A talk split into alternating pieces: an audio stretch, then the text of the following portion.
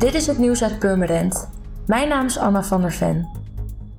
Het Dijklander ziekenhuis schrapt vanaf juli gedurende de drie maanden 20% van de operaties.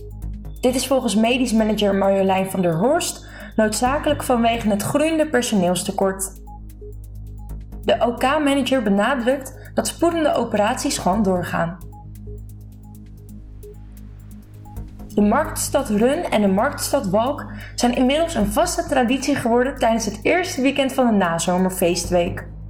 Met zo'n 2500 deelnemers zijn er vast nog wel Purmerenders en Beemsterlingen over die misschien een handje kunnen helpen.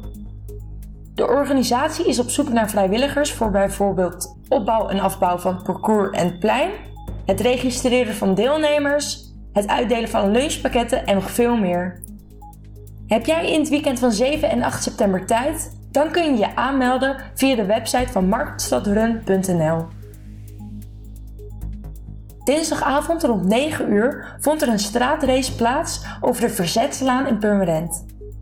De grijze Franse auto en de zwarte Nederlandse auto zouden vanuit Volendam naar Purmerend zijn gereden.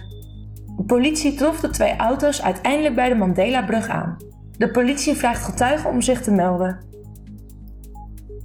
Voor meer nieuws kijk je of luister je natuurlijk naar RTV Purmerend, volg je onze socials of ga je naar rtvpurmerend.nl.